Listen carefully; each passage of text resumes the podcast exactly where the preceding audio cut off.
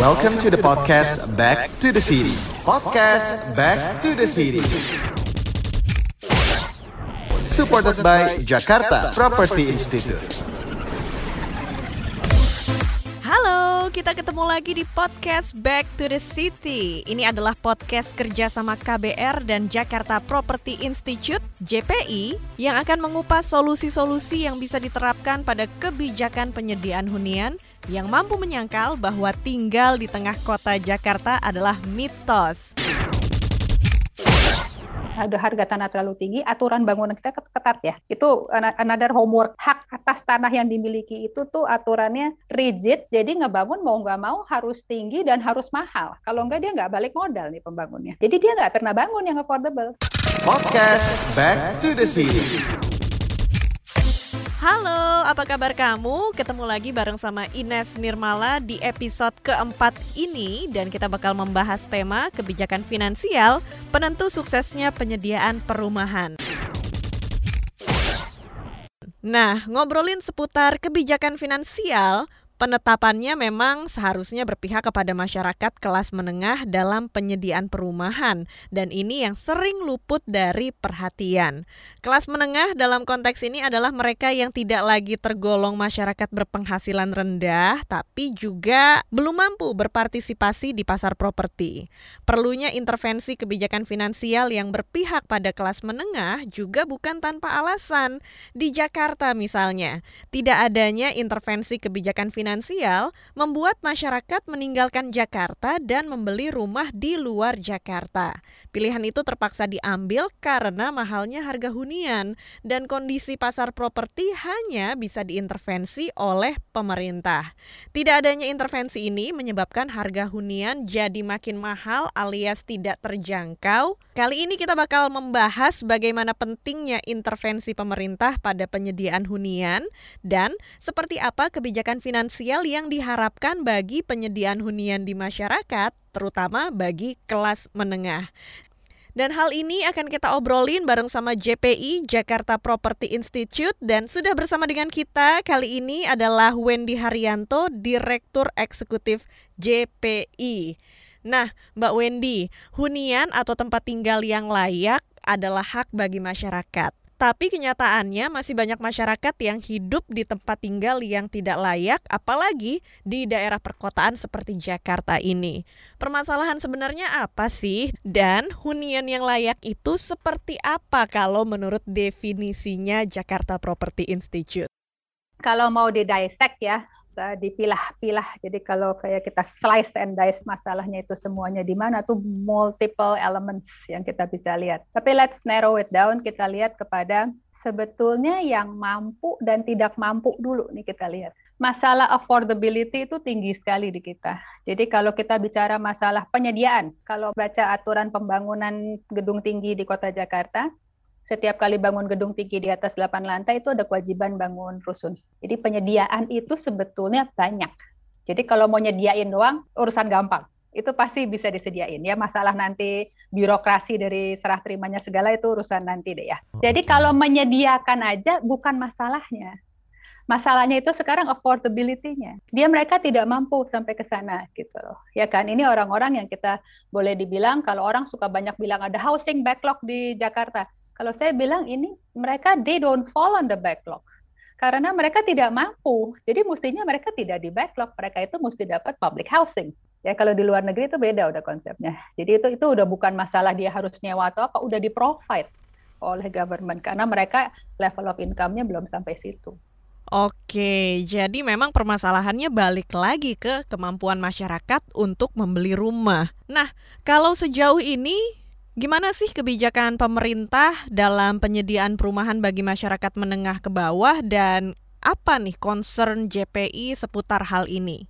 Jadi gini, karena tadi kita bicara yang unaffordable ya. Lalu ada kelas yang mampu tapi mampunya di luar kota. Kayak gimana ya? Mereka kerjanya di Jakarta, mereka mendapatkan sumber income dari Jakarta, tapi mereka mau nggak mau harus melipir ke pinggir kota untuk bisa punya tempat tinggal. Sekarang kan makanya kota-kota satelit kita kan tumbuhnya dengan wah mallnya besar-besar, perumahan-perumahannya juga banyak. Kita bicara Bekasi, Tangsel, Serpong, segala itu jadi mendadak jadi booming sekali. Karena ya itu salah satunya karena marketnya sebetulnya adalah masyarakat yang di Jakarta, ekonomi di Jakarta tidak mampu beli di Jakarta, mau nggak mau dia melipir ke pinggir. Nah waktu dia melipir ke pinggir ini, kerugiannya di mana? Kerugiannya adalah pajak-pajaknya itu semuanya dibayarkan di pinggir sini. Dia beli rumah di sini, dia makan di sini, dia belanja di sini, semua di sini.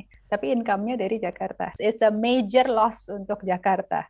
Nah kalau ini kita tidak punya program untuk bisa mengembalikan mereka ke dalam kota lagi, itu sebetulnya kalau dihitung matematikanya sama aja dengan kita bikin financial policy intervention dihitung-hitung nominalnya itu bisa sama. Tapi ini movement yang besar dan ini butuh campur tangan banyak sekali kementerian untuk supaya bisa tarik balik orang-orang yang sudah tinggal di pinggir kota Jakarta. Nah, kalau intervensi kebijakan pemerintah yang diharapkan oleh JPI itu seperti apa?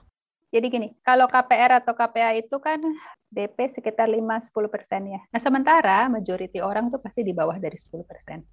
Nah itu udah berat pasti. Nah caranya gimana supaya ini bisa go?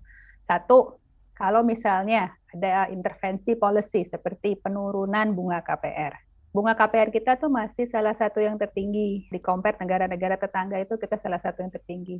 Terus tenor kita juga in general pendek. Kalau kita dapat tenor panjang itu biasanya karena DP-nya kita besar atau kita punya sponsor bagus. Tapi hal-hal seperti itu kan anomali. Nah, mesti ada separate type of policy yang kita bisa, jadi lembaga keuangan itu juga nggak takut kasih kredit, tapi at the same time masyarakat tuh bisa mampu gitu ngambil dia punya kredit tuh caranya gimana di bank-bank atau di lembaga keuangan. Kalau di luar negeri di Singapura itu ada yang namanya CPF. Jadi semua perusahaan itu sekian persen harus bayar per employee ya sekian persen ke CPF itu. Hmm. Employee-nya pun harus bayar.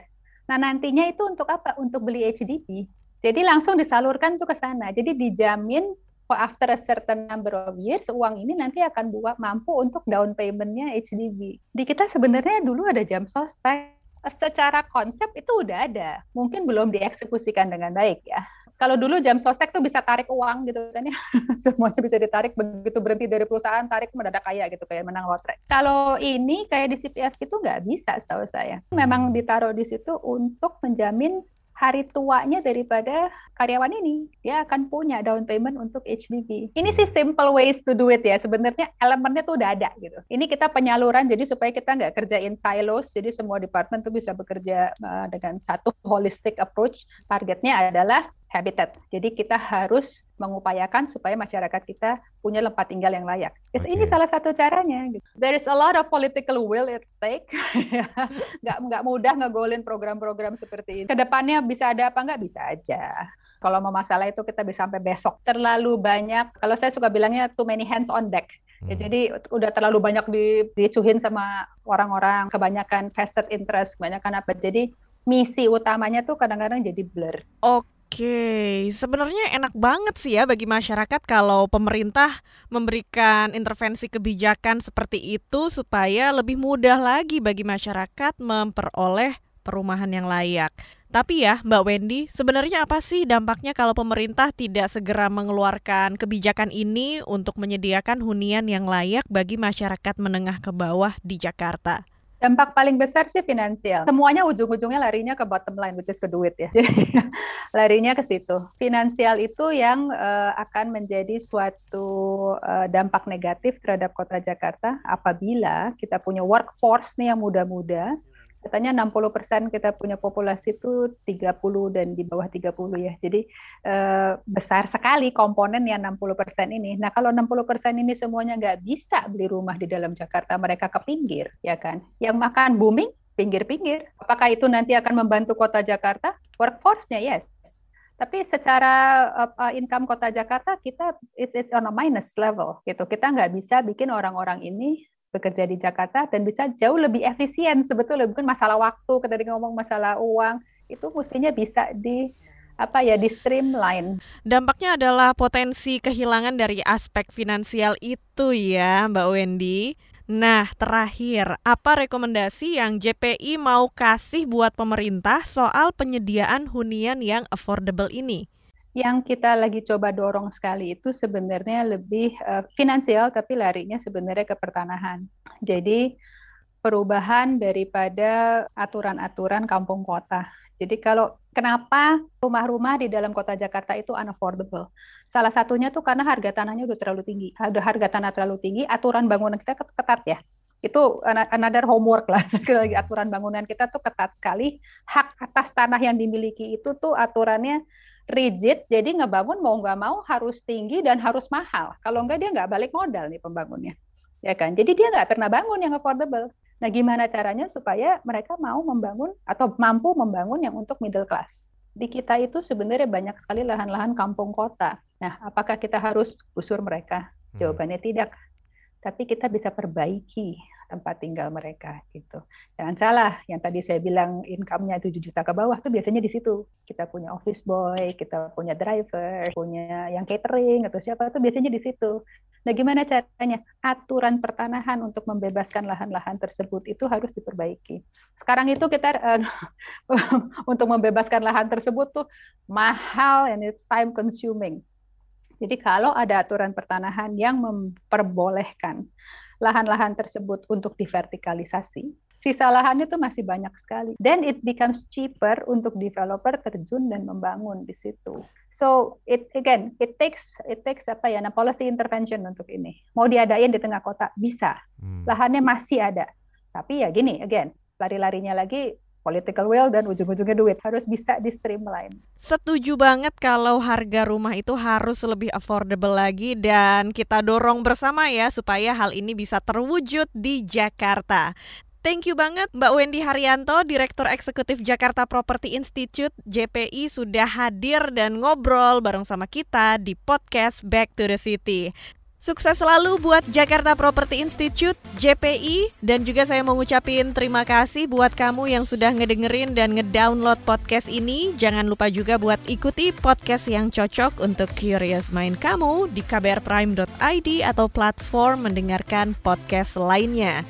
Ikuti juga kita di Instagram at kbr.id dan Ines Nirmala pamit undur diri. Sampai jumpa di episode selanjutnya. Dah. Kamu baru dengerin podcast Back to the City supported by Jakarta Property Institute. Podcast Back to the City.